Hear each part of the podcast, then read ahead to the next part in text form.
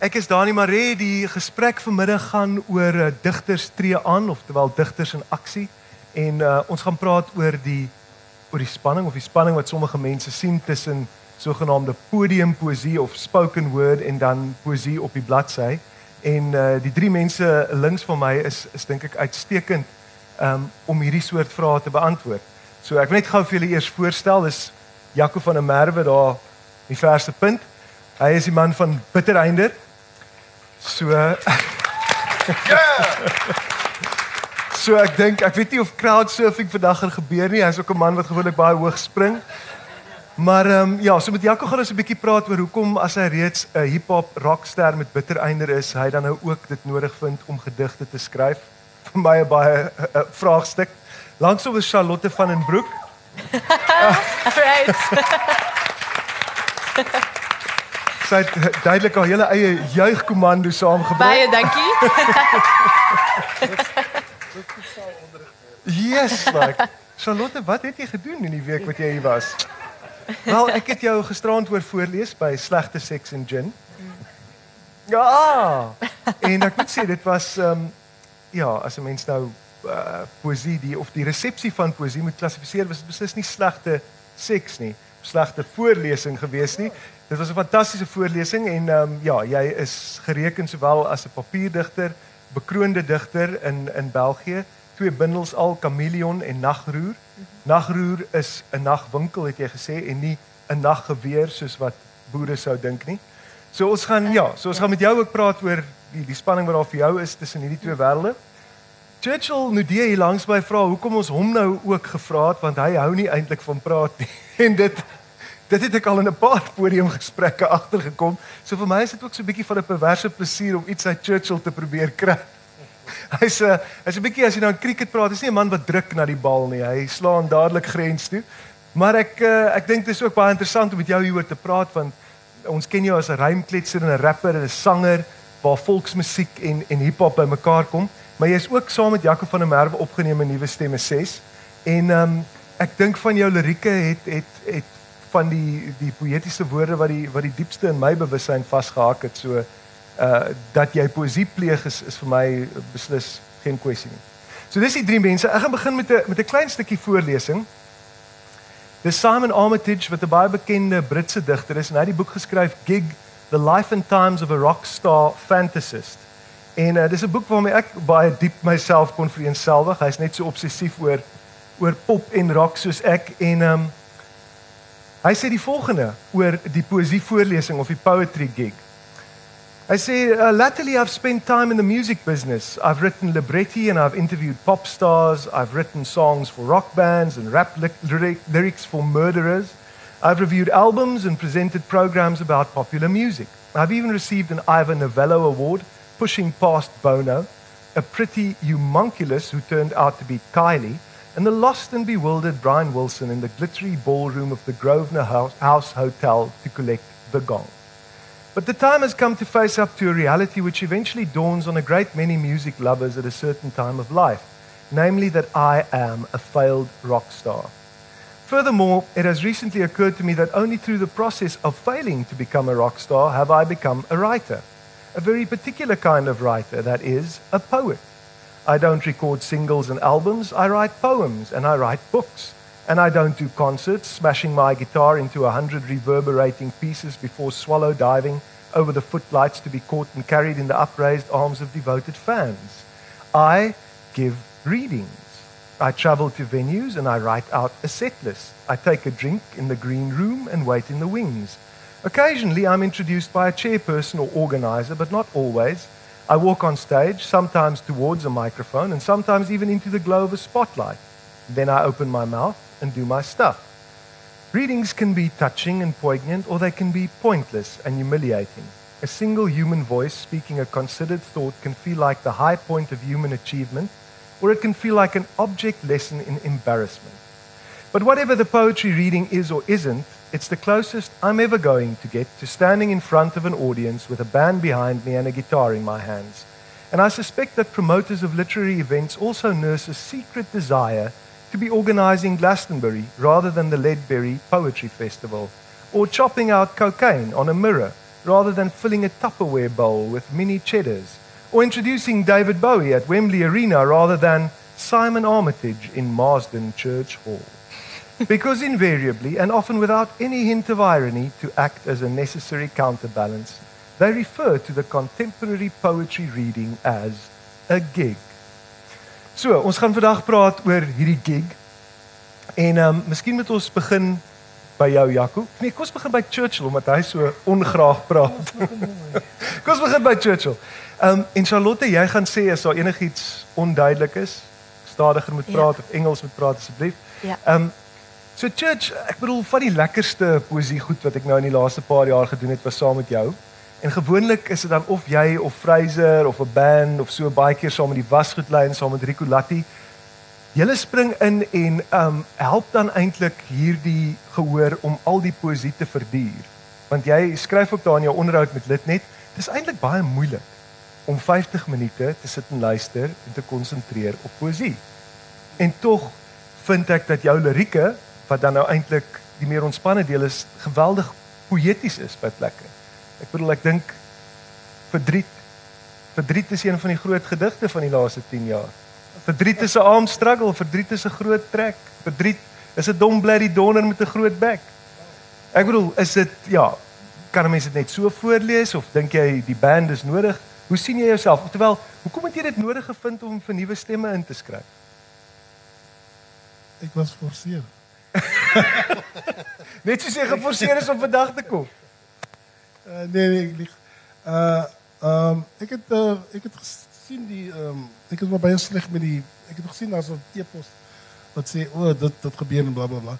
En uh, maar ik is maar toe kreeg nog een e-post, een maand later Ze zei oh, heb jy die andere e-post gezien. dink ek, Oké, ja, so ik moet zeker maar inschrijven. En toen schrijf ik een ja. En um, hoe kom, vrij, hoe kom ik ingeschreven? Ja, ek ek vir my is interessant dat dat ek is voel soos hierdie ou. So ek wens eintlik ek kon doen wat jy of Jaco doen. So ek kan nie verstaan hoekom julle ouens soos 'n voorlesing wil doen nie. Jy weet. Hoekom is dit nodig? Ehm um, om 'n voorlesing te doen. Ja, ek bedoel uh, hoekom hoekom wil jy die goed in 'n boek hê? Ehm um, van van mees, meeste mense wat ek nog hulle wil hulle wil verstaan, hulle wil hulle wil dit self lees ehm um, wat ek sê van hoekom die die woorde gebeur seker maar so vinnig.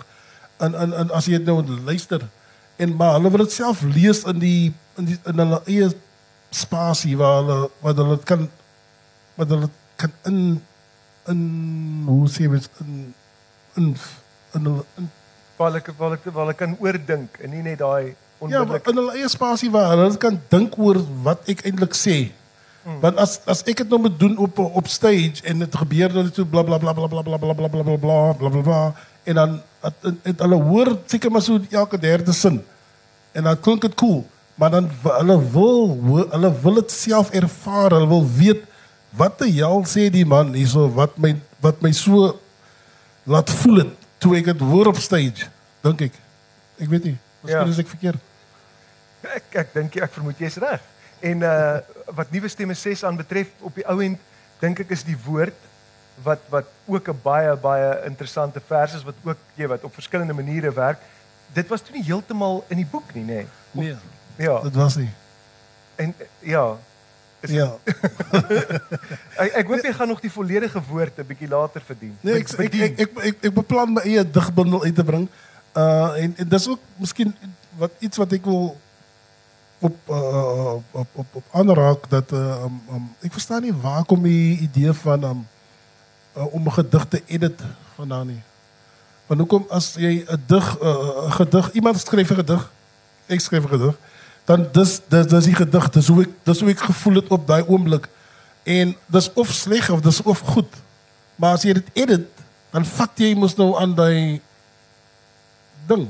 Mm. Wat die way ik gevoel het op dat ogenblik vat jy miskien aan. Of, of, of vir my is dit of uh, of jy wil dit nie lees nie of jy lees dit. Mm. Of dit of dit sleg of dit goed. Maar as jy dit gaan edit die ewe wat wat dan inkom van van buitekant af, dan is dit mos nie meer my gedig nie. Dan is dit wat ek gedink het op daai oomblik nie. Is dit? Ja, maar ek dink dit is 'n is eintlik 'n baie idealistiese sig van die proses want ek dink ek as ek boeke sien dan dink ek altyd daaraan dat daar eintlik so 'n geheime uh jy weet groepie agter die hele boek is. Ek dink 'n boek is op die ou end 'n spanpoging want uh, ek dink redakteurs kan jou red of jou dinge verbeter. Ja, kom ons neem 'n voorbeeld. Ja, T.S. Eliot se um The Wasteland Ja. was eers dink ek die oorspronklike titel was Who Does the Police in Funny Voices en dit was drie keer so lank en as Ezra Pound nie ingegryp het en geëdit het nie, was dit vir dalk nie, jy weet. So miskien jy miskien het jy nog net met die verkeerde redakteur gewerk. Miskien ja. Ek dink jy gaan 'n spesiale redakteur dalk nodig hê. maar luister, ja, kom Charlotte ons ons, ons kom by jou uit. Ehm um, jy het uh, in in 'n onderhoud wat wat nou met lid net verskyn het, het jy eintlik ook gesê wat wat Churchill sê in die sin van uh, dat jy dat jy van albei hou. Jy hou nie net van van die die voordrag poesie nie, maar dat dit 'n ander soort plesier is eintlik om om te lees en dit te hoor. Wil jy wil dalk ietsie daaroor sê? Ja, ehm, het hangt heel erg samen. Is het oké als ik Nederlands spreek? Oké. Ja, ehm, het hangt heel erg samen, hè, want eh voordracht is een manier om die tekst actief te maken en om, te, om deelbaar te maken, om mededeelbaar te maken, om het uit te spreken. En poëzie is toch vooral klank en ritme en eh, de dringendheid die je kan eh, creëren met een ritme. Ik vind het zo nodig om dat uit te spreken en actief te maken. Ehm, en op papier heeft het een ander tempo. Het tempo van de lezer en die intimiteit van één lezer die met die woorden bezig is. Ehm, ja. Maar um, toe ek gisterand na jou geluister het, het ek gesien jy leer kop jy jy leer die poesie uit jou kop uit en dan draai jy dit voor. Met ander woorde, jy doen nie regtig 'n poesie voorlesing nie. Dis 'n voordrag. Is dit en is dit vir jou belangrik daai verskil? Jy wil nie daar staan met 'n boek en en voorlees nie. Ja, mensen benadrukken altijd van, oh, je kan het uit je hoofd. Maar eh, ik vind het Engelse term veel mooier, by heart. Ehm, eh, het is niet zo dat ik mijn teksten van buiten studeer en ze dan op podium voordraag. Eh, ze, zitten, ze komen uit u. En ik wil het ook op podium in die richting doen. En niet van een papier, via een papier mediëren naar het publiek. En dat heeft ook met die directheid te maken. En eh, zeker, ja, poëzie ook naar beneden halen. Want het is niet heilig of eh, verheven. Eh, het, is, het is nu en het moet gezegd worden. En eh, die directheid probeer ik dan te creëren door het papier weg te laten het podium. Maar die soort voorlesing wat jy doen, is dit tog nie spoken word nie? Nee, jy jy sien dit ook nie regtig as spoken word poesie nie. Ja, ik weet niet hoe het in eh, Zuid-Afrika is met de spoken word cultuur, maar in eh, Nederland en België is spoken word meer poetry slam. En voor mij is dat een heel ander materiaal waarmee je op podium staat. Want poetry slam ja, is op maat geschreven voor het podium. En eh, het is vaak hard en ook direct. En die betekenis moet, in de zaal ge- krijg- eh, moet je in de zaal krijgen. En in die zin is het gericht op het eenmalig beluisteren van die tekst. En als je drie, vier keer dezelfde poetry slammer hoort, dan kan je wel van het vakmanschap genieten, maar de tekst is dan ja, ook alleen maar de tekst. En geschreven poëzie voordragen, of poëzie die ook gelezen moet worden, ja, dat is complexer en ook elke keer anders, want een be- een beeld is niet één op één. Een beeld kan drie of vier dingen betekenen. En eh, afhankelijk van wie en hoe je er naar luistert, wordt het weer telkens iets anders. Dus het is veel ehm, moeilijker om te pakken. En ook ja, onbegrijpelijk. Ik ben wel akkoord met Simon Armitage, die eh, zegt ja, het is ondraaglijk om 50 minuten naar een poëzielezing te luisteren. Dus eh, dood, doodmoe word je daarvan. Ja.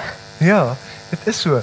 Ehm um, Jaco, ja, hoekom hoekom vind jy dit nodig om uh, nadat jy ek meen daar's fantastiese foto's by jou by op die koppie, daai spronge wat jy doen, ek meen bittereinder uh, Ronel wat hier sit, jy weet mense skryf dit nou ons nou 'n doktersgraad oor oor hiphop en uh, waarin jy behandel word. Wat wat is dit vir jou wat vier jou aan om nou eintlik die bladsy meer op te soek. Jy's besig met 'n baie interessante projek met Wikus de Wet wat ook hier sit 'n fotograaf waar jy sp- en jy en noem dit spesifiek prosa verse. Prosa gedigte skryf in reaksie op op sy ehm um, fotos. Hoekom is dit vir jou belangrik om dit prosa verse te noem en hoekom is dit vir jou belangrik om dit te doen? Ehm um, okay, paar vrae ek sal by alles probeer uitkom. In my uh skrywerslewe wat dit tog maar is, ehm um, ek dink ek het vir die eerste keer sê maar gedigte probeer skryf toe ek omtrent 13, 14 was. Ek onthou ek het uh, The Crow gekyk. Daai movie met Bran, wat was die dude se naam nou weer? Hy was mos doodgeskiet op die Bruce Lee se seun. Hy was mos doodgeskiet op die set van die Ja. movie en whatever in 'n Anyway, so 'n super romantiese ding was ontsluit in my en ek skryf 'n poem met die titel Death. Natuurlik begin elke poet mos seker maar met sy eie sterflikheid.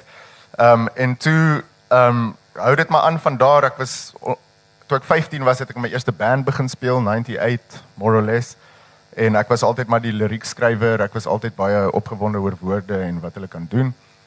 En ek dink wat my uh, journey as 'n as 'n kunstenaar kind of uniek gemaak het op daai punt was ek was 'n wit kid in die suburbs van Pretoria.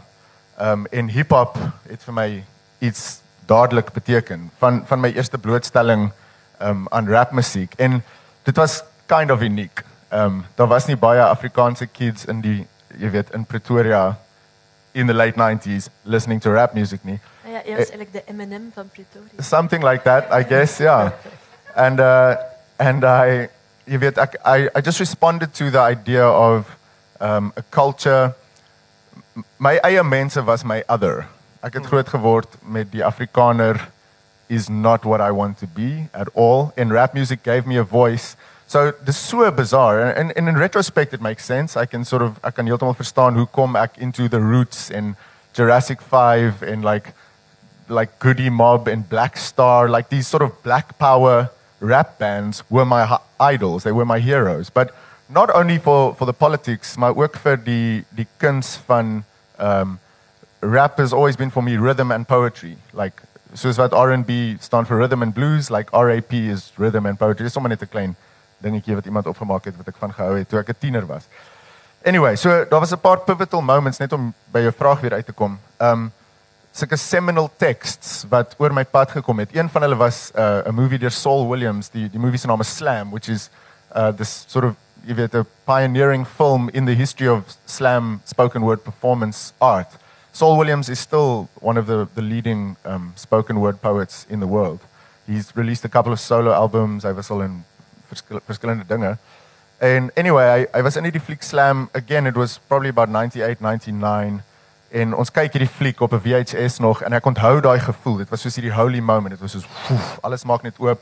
Up until this point I'd been like trying to sound like Cypress Hill or something en sulke baie, jy weet, I, I'd write my rhymes on uh on a beat, always on a beat. So jy weet, jy, jy, there's lots of pitfalls. Die die rym kan jou leidsman word dat jy jy val in predictable um uh, jy weet die die rym word jou baas in plaas van andersom partykeer veral wanneer jy 15 en 16 is jy weet en jy probeer nou hierdie goeters bemeester maar wat spoken word amazing gemaak het is dit skielik vry van 'n beat it's still very rhythmic and it's still there's a lot of internal rhyme and it it's it it's definitely um coming out of the family of hip hop. Jy weet is eintlik die die roots van slam en van spoken word performance. Um nou is it a baie wide field. A lot of people do just like free verse. It doesn't have to rhyme. There doesn't even have to be any internal thing. I think what makes spoken word effective, jy weet uh, again I'm trying to answer too many questions in one go, maar jy het soos Nee, 9 jy het 9 vrae gevra. Ek bederf nie. Ek dink jy Okay, is- okay. It's just nege vrae gevra and I had comments on all of them, so now my brain is trying to unpack all of them at the same time. Sorry, everybody. Um, the yeah, there's like there's amazing moments that can happen. You can have goosebumps from reading a poem. You can have goosebumps from hearing a poem. You can have goosebumps from a poet who is is reading or reciting a poem that they wrote 10 years ago and perhaps the death of the author moment has kind of happened for them like baie van die goeders wat ek geskryf het 10, 15 jaar terug. I I read that text. It's not me anymore. You weet, I have changed. Like I'm not that person who wrote that piece. So the text is alive. It can still mean something to someone, but when I say it, it's almost like I struggle to be the person who wrote that piece 15 years ago. Sometimes the interesting thing with rap, with memorizing your poems, is it's like muscle memory. Mm. So I love what you're saying about it comes from the heart. But in my band, for example, you know, where we do a lot of rap lyrics. Sorry, daar slaan ek sommer in Engels oor.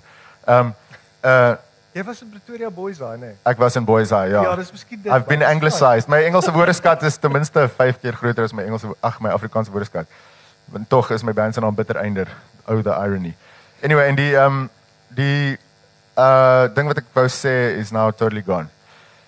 Anyway, 'n tweede seminal text occurred to 'n paar jaar later in 'n tweedehandse boekwinkel koop ek so 'n klein um, boekie deur Charles Simic en ek maak hom oop en ek het 'n similar ervaring as wat ek gehad het met Saul Williams destyds. O ja, so Saul Williams daai aand toe gryp ek 'n koutjie en ek begin net dadelik skryf en dit kom net so uit. Dit vloei net so en dit is net sulke spoken word stuff en dit was van die eerste it was this moment. It was really like this holy moment. En ehm um, die Charles Simic ding was too similar. Dit is sulke I just dit sê op die cover, nou die die die boekie se titel. Hy's 'n Pulitzer Prize winning tiny little book of poetry. Uh en ek begin dit lees en it, it, it's like paragraphs. Dis prosa maar geskryf as digkuns and again just the gears click and the all the connections that have been waiting to happen in my mind happen and I'm like I want to do this. Jy weet en I I get that a lot. So om jou vraag te beantwoord van hoekom voel ek die need? Why do any of us feel the need? Fuck, what what else are we going to do before we lie down in the grave? Jy moet maar iets doen om jou tyd um Ja. te pas, maar daar's soos 'n drang om te create. Like Ja. jy weet. En anyway, so toe toe begin ek prose poems skryf. Dit is my 'n baie opwindende vorm. Um ek geniet om e-mails te tik. Ek geniet om uh jy weet 'n kort stukkie teks te compose en ek love dat in in prosa um gedigte lees dit so sinne wat op mekaar vloei om 'n klein paragraafie te maak, maar elke lyn is veronderstel he- het 3 of 4 moontlike betekenisse en dis 'n baie um image heavy type of poetry en so aan. En toe eventually het ek en Wikus saam begin werk. Ek het prosa gedigte geskryf as reaksies op sy fotos en sy fotos is ook vir my baie poëtiese beelde.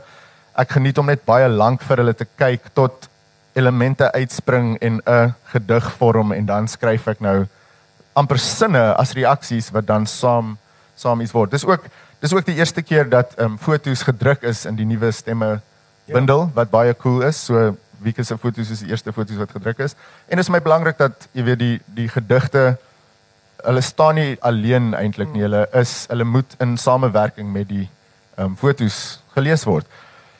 Ehm um, en ja, die die verhouding tussen woorde en beelde of woorde en ritme, die jy weet daai verhoudings is wat vir my exciting is en vir daai rede doen ek verskriklik baie diverse dinge. Dis dis my vervelig om net een tipe Ja. ding te doen. Jy weet Nee, like dis dis dis, dis heeltemal in orde. Ek het eintlik net ons het uh, donderdag het ons gepraat oor Leonard Cohen en en aan die einde uh, is dit vir almal eintlik so 'n bietjie van 'n raaisel dat so Cohen word as 'n sanger onthou, maar hy het totdat hy 33 jaar oud was, wou hy net 'n skrywer gewees het en hy het vyf digbundels geskryf en en drie romans en en baie van hierdie romans is eintlik nie meer beskikbaar nie en uiteindelik omdat hy besig was om dood te gaan van die honger sluit maar jy weet miskien moet hy ook hierdie sanger liedjie skrywer ding doen so ek wonder op die ou end is baie mense doen baie verskillende goed maar hulle word dan vir een ding onthou so ja so dit gaan vir my as ek enigsins onthou word, is dit fyn met my. Ja, I don't I don't really care for what. you're going to hit your bets Of mo most deaf het mos gesê, I don't give a damn if any fan recall my legacy. It's just it doesn't that's not why we're doing this. Ja.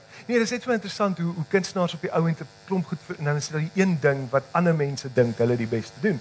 Ja. Raymond Carver byvoorbeeld, sê mense baie mense sê hy's net 'n kortverhaal skrywer. Ek is mal oor sy gedigte.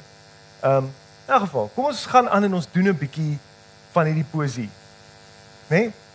Wie wil begin? Jaco. Nominate ons mekaar, okay. Moet ek? Ja, maybe I should finish rambling and put the mic down. Mense maak gereeld die fout om vir my 'n mic te gee en dan sê aan. Ek het dit uh, ek het dit gister ook gesê. Daar's 'n klassiek foto. Ek en Wikus was op 'n klein panel discussion. So 'n klassiek foto van Wikus wat net so langs my sit. en ek wat die mic hou vas en I'm like really impressed with the latest joke that I've told that no one else finds amusing. Ja. Ehm um, ek kan vir julle 'n gedig doen. Ja. Ek was gister genooi om deel te wees van hierdie gesprek gisteraand laat en ek was nie nigter nie so I just said ja natuurlik maar um I have no you know but anyway saam met Jy julle het ja gesê man. saam met julle is dit maklik om te gesels. Okay, hierdie is 'n um, hierdie is 'n gedig oor 'n persoon wat verdwaal in 'n woud. Um ek dink ek het dit eintlik geskryf as deel van die eerste Bitter Einder album sê maar 2010 11 verrig en um dis 'n maar toe toe ons dit eers op die tweede album gesit. Dis 'n interessante gedig want dis 'n dis 'n narrative, dis soos 'n storie. En vir daai rede I can always access it. Um dis dit voel nie vir my asof die teks ooit doodgaan and I can't go into that space again because I'm telling a story. So elke keer is ek weer daar en it's it's uh ja, dis dis nie regtig uh daar's nie 'n sedeles of 'n it's not like an allegory that's trying to convince somebody of something. There's something it's just a weird klein story. I guess there's some subtext. But anyway, it's terrible when people explain poems before they do poems. Sorry. I hate it. Nou te laat. Uh, yeah, it's way too lot now. Okay, so let me stand and get into the vibe.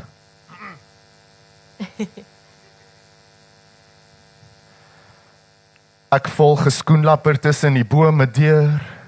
Die houtkappers kan op hul byle sweer, hulle het jou gesien rondom die stamme sweef met 'n rykie blomme in jou skaduwee geweef en die reigte wat buig om jou enkels te soen en stemmetjies wat fluister van elke seisoen en groen en dors en water en slange en 'n menigte blare wat vloei van jou wange. So groei my verlange om jouself te ontmoet met die afdruk van God en sy asem in jou bloed. Nou waag ek die diepte agter die skoenlapper aan, dis asof sy vlerke my gedagtes verstaan, hulle moedig my aan en my hart klop nou vinnig. Die blare dak word digter en ek wonder oor die sonlig wat nou so bietjie melkerig die paadjies laat verdwyn en uit die hoeke van my oë tussen die groen en die bruin vermenigvuldig die bewegings van diertjies wat my afloer. My voetstappe wat ekho teen die stamme en die bosvloer klink skielik nie alleen nie, maar ek kyk liewers voor my en druk deur die bos se arms hoeveel kan daar nog oorbly. Dis asof my hartklop nou stoom kry, maar die bome word al digter. Ek byt vas deur die skrape, die tuimel en die splinters. Bolle kiesie myself flenters, maar ek staan elke keer op. Grond tussen my tande en die bos is in my kop. Ons loop kringe om mekaar, ons ontmoeting om die hoek. Die spasies word al kleiner. Ek word hier wortels ingekoek en nou soek ek die hart van die woud en sy lewe voel al hoe klop dit soos die grond begin bewe. 'n Stewige dreun groei in die kreunende bome en stemme wat vibreer soos lewende drome. En in 'n oomblik is ek skielik in 'n oopte op my eie met die sagste groen gras van die mooiste valleie in 'n sirkel omsingel deur 'n kring van stamme en in die middel dans 'n dwarrelwind van blaartjies soos vlamme en die wind begin sing soos instrumente wat praat. Die blare styg al hoër in die vorm van 'n ruggraat. Klippies wat 'n gesig maak, verbeel ek my. Skielik hoor ek my eie stem. Wie is jy? Ons is die groen, ons is die hout, ons is die oë, ons is die woud, ons is die takke. Jy weet mos, jy weet mos, ons is die stilte, ons is die bos.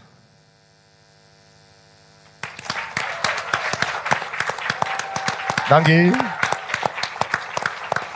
Baie dankie, ek. Dankie. Nou kan ek die mic neersit seker nê, nee, ja. Ek dink jy het 'n uh, verskeie punte daai uitstekend gemaak. So ons moet sommer met die ry af teruggaan, Charlotte.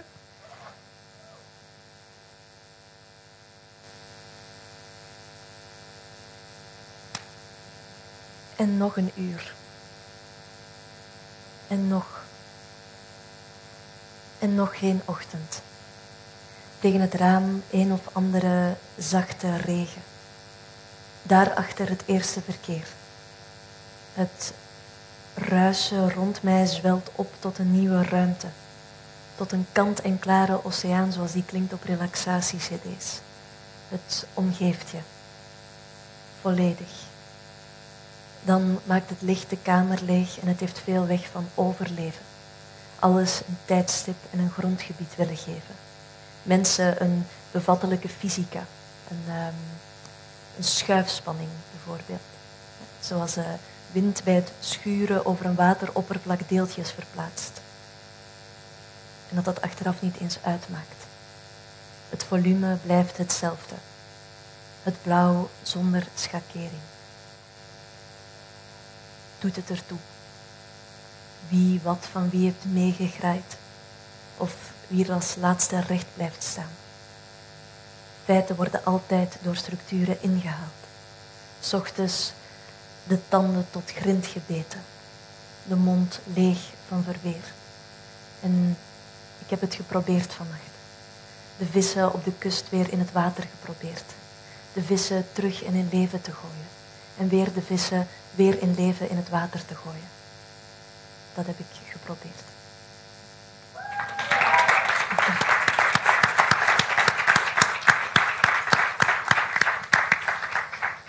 Voor ek vir Churchill uh voor Churchill hier op die verhoog spring, uh, is dit vir jou moeilik om om die woorde te leer? Is dit iets waarna jy baie tyd spandeer? Nee, nee, want als ik, uh, als ik aan het schrijven ben, dan herhaal ik altijd een regel zo vaak tot de volgende er is. Dus ik heb dit eigenlijk geïnternaliseerd. Voor het op papier staat, ken ik het al van buiten.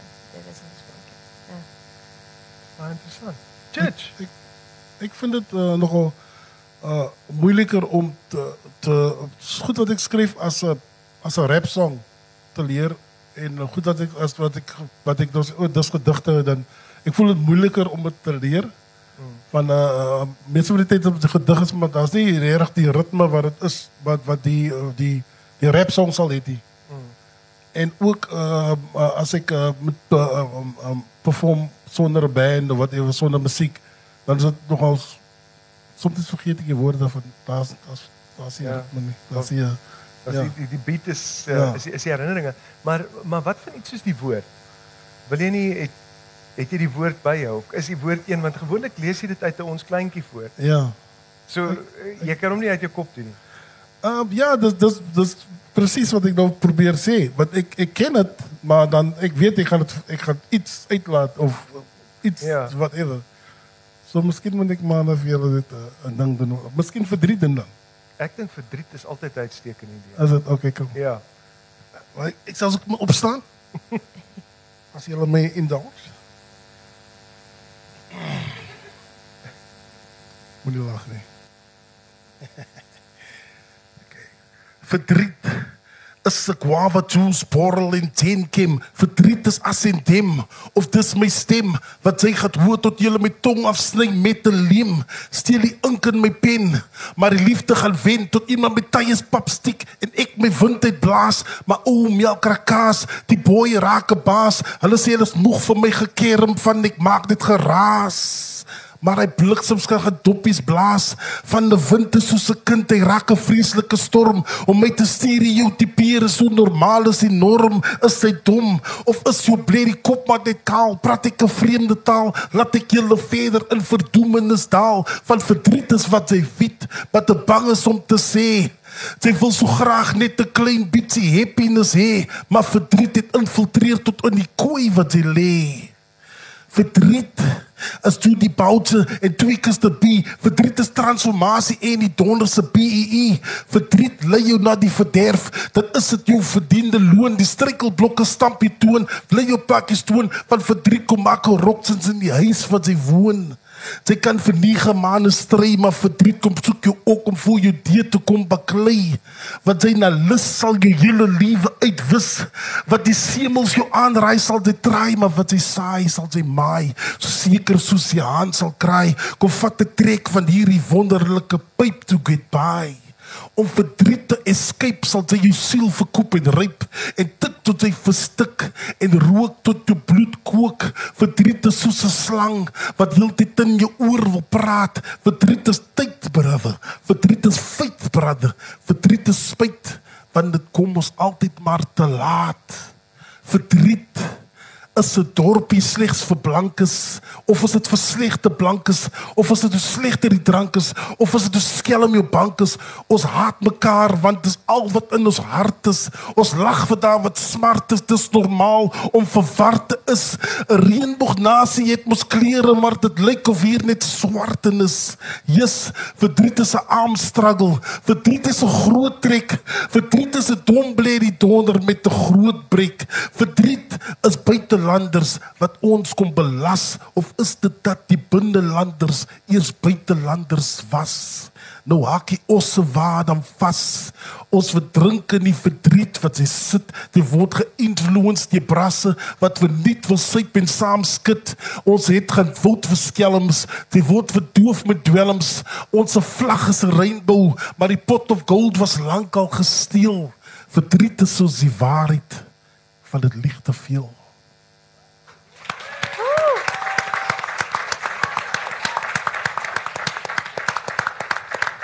Dankie. Baie baie dankie church. Ehm um, ek ek wonder nou so rukkie terug uh sien ek vir ehm um, Tade Ipiola, hy's by Pen Nigeria. En ek sê te vir maar ehm um, daar's nou 'n spier poesiefees en ek sê vir hom is hierdie Nigeriese digter gaan dan kom voorlees. Ken hy hom? Hy sê vir my spoken word. Ek is 'n papierdigter.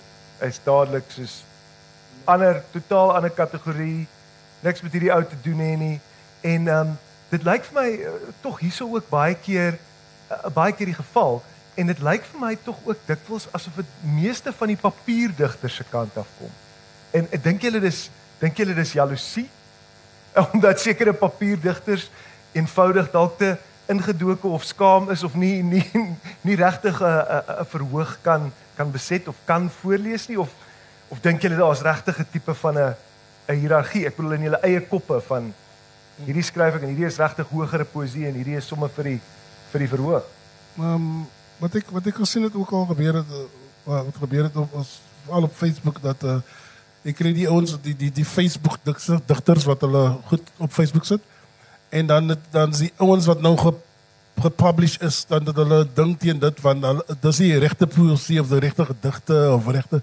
Vir my maak dit saak wat ehm um, van 'n uh, uh, uh, poesie en gedigte vir my is is het, het, het niks te doen met jou uh, sertifikate en jou goed wat jy in die muur plak wat vir mense te wys jy dit gekry en jy dit geleer of jy jy jy, jy kom van daar af jy want uh, gedigte kom van van van alle alle uh uh levels of van levels van samelewing van dit dit kan 'n ryk ou wees wat klomp geld het wat gedig skryf wat jou wat wat jou aanraak en en 'n laaitie van van van 10 jaar oud wat op skool is wat jou wat 'n gedig kan skryf wat jou wat wat iets beteken vir jou. So um ek dink dis maar net 'n uh, miskien 'n bietjie van jaloesie, ek weet nie. Of miskien onkunde dan. Hmm. Mees meeste van die tyd van 'n uh, die die ding van is onkunde is dat mense as jy nie weet wat hoe 'n ding is en uh, hoe dit gebeur uh, uh, of of hoe daai mense lewe of hoe wat gaan aan in hulle lewe nie dan gaan jy as jy so ge, groot gemaak is dan gaan dit iets dan gaan dit dan gaan jy so praat hmm. soos soos as as as ek was moet praat oor ras ook as jy as jy so groot gemaak is om te dink dat daar uh, omdat iemand aan 'n ander ras is en hulle is so en of jy moet so praat met hulle dan gaan jy so praat as jy groter raak seker maar hmm. As indoctrination seker maar half Ja, ek moet sê dit dit is daai is dis nogal 'n moeilike ding daai waarvan jy nou praat want ek het nou 'n 9-jarige dogtertjie nou die laaste tyd dan vra sy 'n paar keer vir my sê maar hoekom was wit mense so lelik geweest met bruin mense? probeer ek vir verduidelik nou dat ek laas 'n lang storie probeer vertel van kolonialisme en ek vertel toe van die aborigines in Amerika en alles. Sy sê het hulle die spurmense doodgemaak. so ja, ek ek dink baie van daai dinge begin by die huis en wat mense vir mekaar sê en ehm um, as 'n mens by by poesie terugkom is dit dink ek ook maar daai tradisie maar ek dit voel vir my tog as jy kyk wat Simon Armitage sê, ek dink baie keer is daar 'n marginaliteit vir die papierdigters wat vir hulle eintlik geweldig frustrerend is. Hulle wil met meer mense praat en uh, dan sien jy dat die dat die podiumdigters, die spoken word digters, die rappers praat met baie meer mense. Hulle raak baie meer mense aan.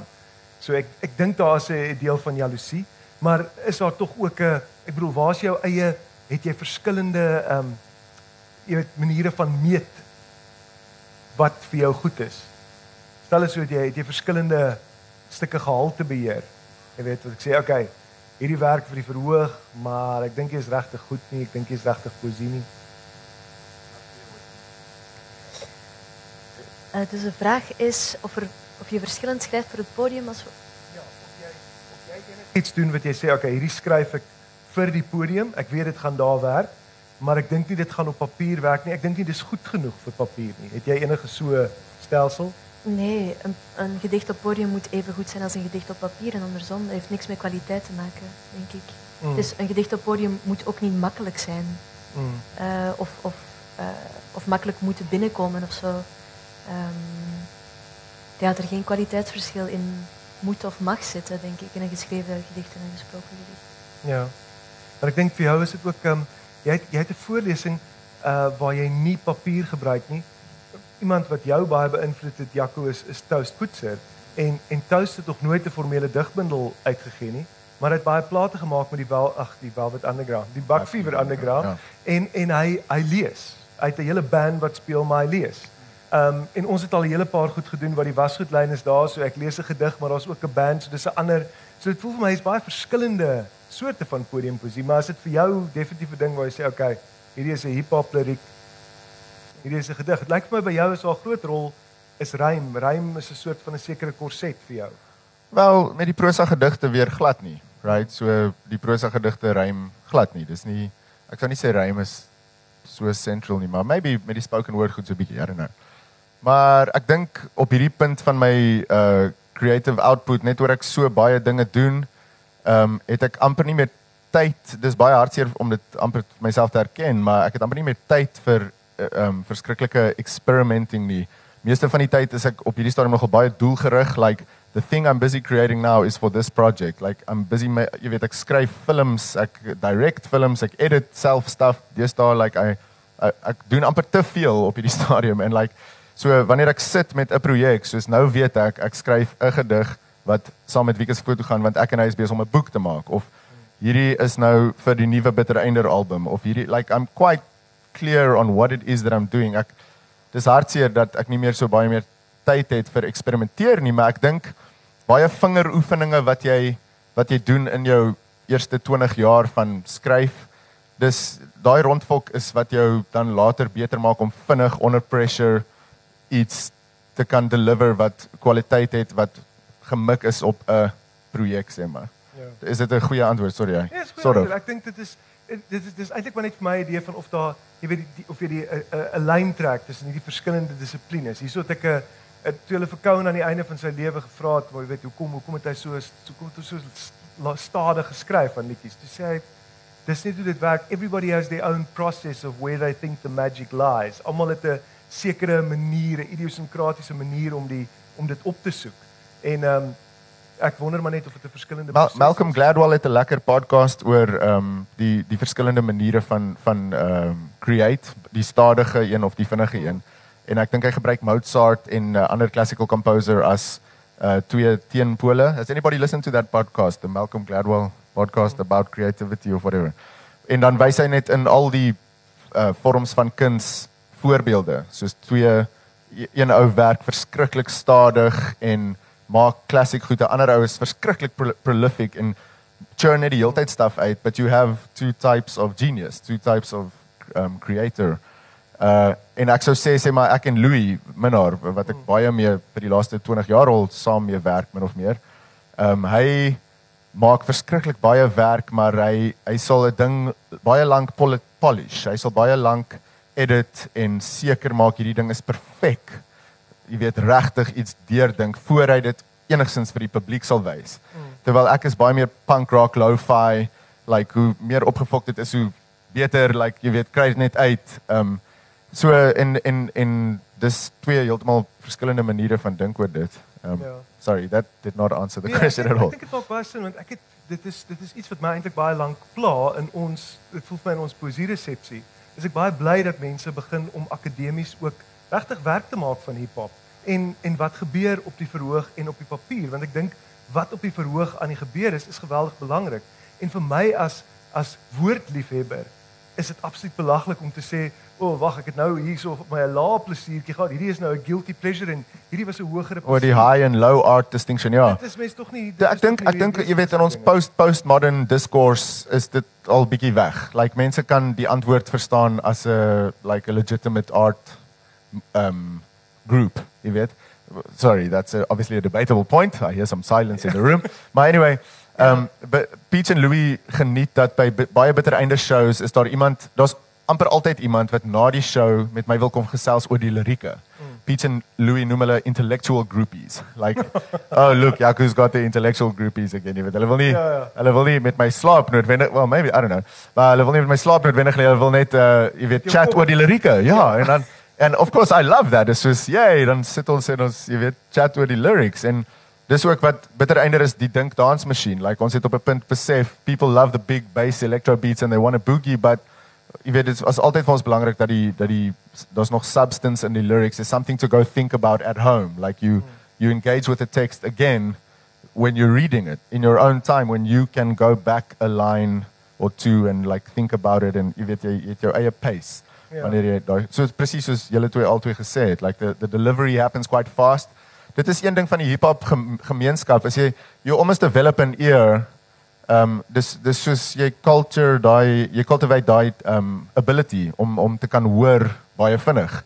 Maar by 'n hip-hop show, I mean, ek gaan na 'n hip-hop show toe as die bass drum baie hard is en die mic is nie great nie en is muffled en this, these guys are just rapping millions of bars, hoor ek ook een uit 100 lyne. Jy weet, dit is soos it does happen very fast and the sound of so by 'n live show kry jy amper energy, jy weet, en dan kan jy dan kry jy iets anders weer wanneer jy met die teks omgaan in 'n stadige, rustige environment. Maar kan ons nie op daai noot dalk iets hoor van jou gedigte saam met Wikus wat wat ook hier is nie? Ooh, ek sal dit love, ja. Ja, want ek vind dit baie interessant ook dat jy voel dat jy nie die die beeld van die van die woorde kan los sê nie. Ek dink William Burroughs het nogal baie daaroor aangegaan dat hy sê sodra jy enige woord met 'n beeld kombineer, verander jy die betekenis van albei. Ja, Ehm, en very en much. al gebeur dit op 'n baie de krake, jy weet, kat-up manier. Ek sal graag vir julle ietsie lees. Ja. Ek en Wikus is nou uh interessant genoeg besig om 'n crowdfunding campaign te doen vir hierdie boek wat ons maak. Die boek se naam is Wat binne is. Ehm um, en uh ons het soos 'n Thunder Fund campaign aan die gang om die boek te ehm um, te befonds. Is dit 'n woord? Ehm um, en de dis meestal oor daar's fotos in die boeke, so om fotos te druk is baie duur. Dis ook 'n redelike subversive ehm um, boek. Daar's 'n paar verdwaalde P-bomme en so voort. So dis nie die traditional publishing routes is nie vir ons nie. Ehm um, want dit's baie duur om so 'n boek met volkleur foto's te druk. So we did the Amanda Palmer way and the art of asking we asked. En ons is happy om te report dat uh, ek dink daar's 15 dae oor op die crowdfunding campaign en ons is 74% towards Ja. our dream goal and like virtually on the point where the project is actually going to happen. Ja, ek het Ehm, vanoggend gaan kyk. Ek dink julle soek R40000 en julle is by 29000. Ja, en as dit Ja. 30000 rand tref, uh, dis die buffer, dan it is definitely going to happen. So that's quite Ja. exciting en dis die cool ding van dit is, jy weet die die gedigte is nog nie eens klaar geskryf nie. Dis amper soos 'n 'n nuwe manier van van dinge doen. Like jy sien, okay, there's enough interest. These people have literally pledged the money already. Like cool, now I'm going to finish the book. Ehm um, so hierso is 'n paar uh, vir enigiemand wat interested is, ek gaan dit nou nie in die gehoor uitgaan nie, maar hierso is 'n paar klein papiertjies wat net uh, meer vertel oor die projek uh, met die URL, die die webwerf op. Ehm um, so ja, vyf van hierdie gedigte was opgeneem in nuwe stemme 6. Dit het ook vir ons bietjie momentum gegee en ons net encouraged like maybe we're not insane. This is perhaps a cool project. Ehm um, waar is hierdie donders misboorde te kan vind met die foto's? van die woord ook doen nog voor ons groet want ek sien ons ons tyd is besig om einde se kant toe te staan. Dalk het jy die woord. Okay. Okay, so imagine, if you will, dear listener, uh, a photograph of a field, uh, soos 'n tipiese Suid-Afrikaanse stukkie landskap met uh, bome en bossies. Ek doen hierdie ene aan die linkerkant. En ehm um, daar is sulke wit kruise uh oral gestrooi oor die land. The one on the right hand side. Uh, on the left hand side, sorry. Ehm um, okay, ek gaan nie eers meer sê oor die foto nie. Dit is 'n lo- 'n very very loaded foto. Die tema van ons boek is min of meer Afrikaans wees. En uh, ek en Wieke het 'n het 'n liefdeshaat verhouding met daai met ons herkoms en ons identiteit. Daar's dinge waarvoor ons lief is, seker meer dinge wat ons nie vir lief is nie. I don't know. It's hard to say. Ehm um, so hier is die I guess you could call it the title track van van die digbundel. Dis dis nie meer wat my sê nie, maar anyway. Okay. Ja, mens kan nie hierdie sit en lees nie. Dit maak nie sin nie. Ek is banger vir wat binne is. Ons luister na ontploffings in die lug en ons verf selfportrette sommer so bo oor die stokmannetjies van mense wat voor ons in hierdie rotse uitgefigure het wat familie is. Eeue van nou af, as hierdie hoopies geverfde baksteen dalk nog die landskap besmet en daar nog iets soos mense is wat soms kan stil word en luister. Sal hulle ons stemme hoor in die gang, in die aand, in die kombuis, in die kamers versit en slaap en bad en eet en leef en son? Sal hulle glo wat ons alles van mekaar gesê het? Die slinger sny 'n ronde rooi boog en ontbeen elke teenargument sonder om terug te kyk. Wat binne is, oog vir oog, tand vir land, kruis vir bloed, ink vir jok, bid vir reën, koel vir boer, nood vir nood, tyd vir saai, tyd vir maai, ons vir jou.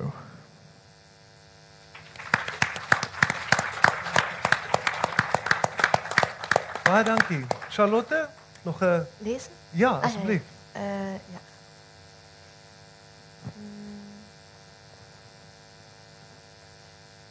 8. Niet overhellen. Nu de avond het licht en ons de adem afknelt. Stootblauw het vel, aangeslagen oorlogstrommel van wat faalt in ons. Het huis laat zich verdelen in bananendozen en bezittelijke voornaamwoorden. De boekenkast in links en rechts. Van jou de landkaarten, de Russen en het uiveren van Marques. Ik krijg woordenboeken in alle talen. De biografieën van dictators. En ja, de poëzie die juist nu hardnekkig staat te zwijgen. Je vraagt nog, welke vogel stak ook weer de snavel in zijn eigen borst? Ik kan niet op de pelikaan komen. Weet nu dat rouw begint bij het stoten van een elleboog en doortrekt tot in de vingertoppen, om nieuwe aanrakingen vooraf al te verdoven.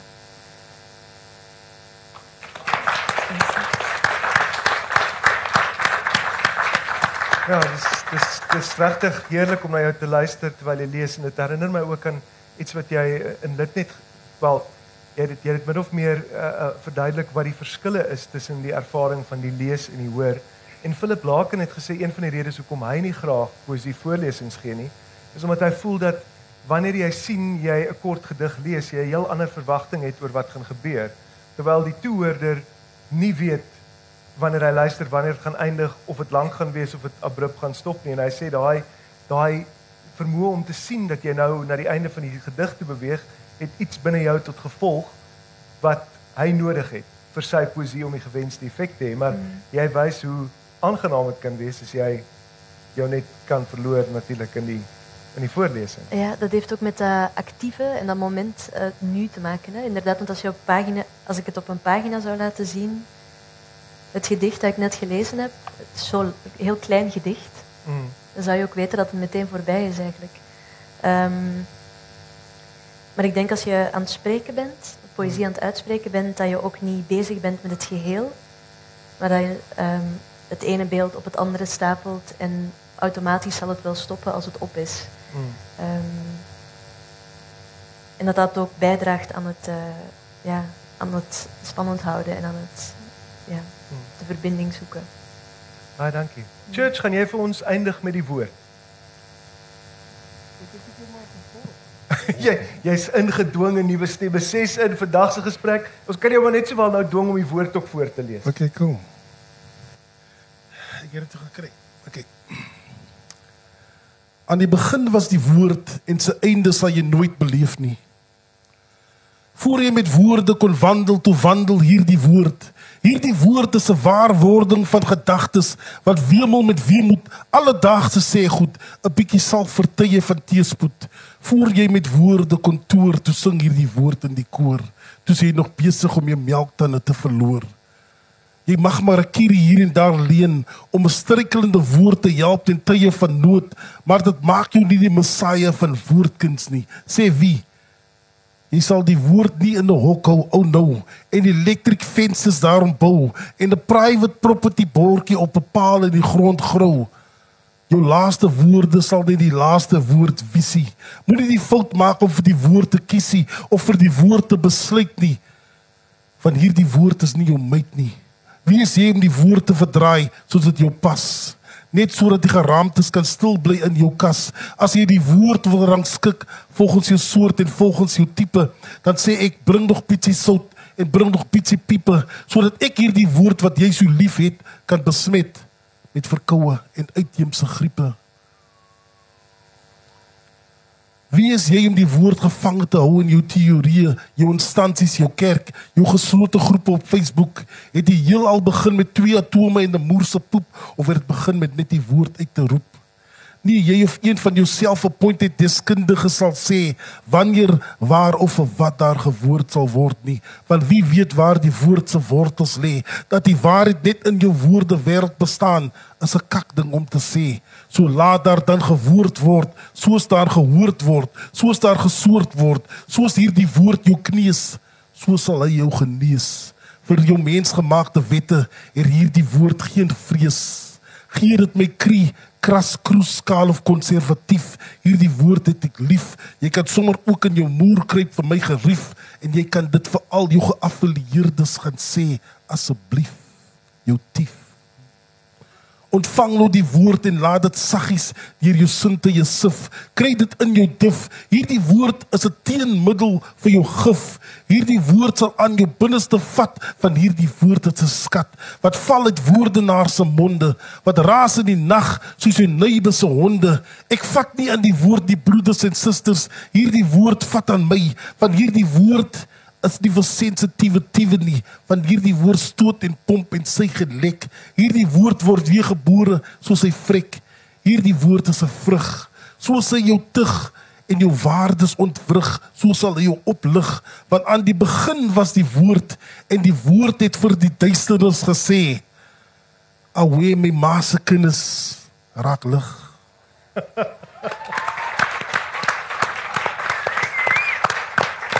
Okay. Ja, nou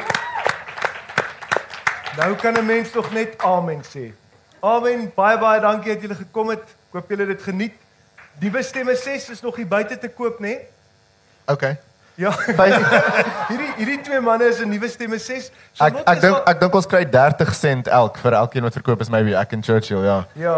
So. Ek dink ek het ons ongeveer 30 50 sent gekry. 50 sent in totaal, ja, Ja, ek dink ek het uit nuwe stemme 3 omtrent R19.20 verdien. maar maar ondersteun die digkuns. Ehm um, Charlotte is jou boek ook hier of het jy net Nee, o.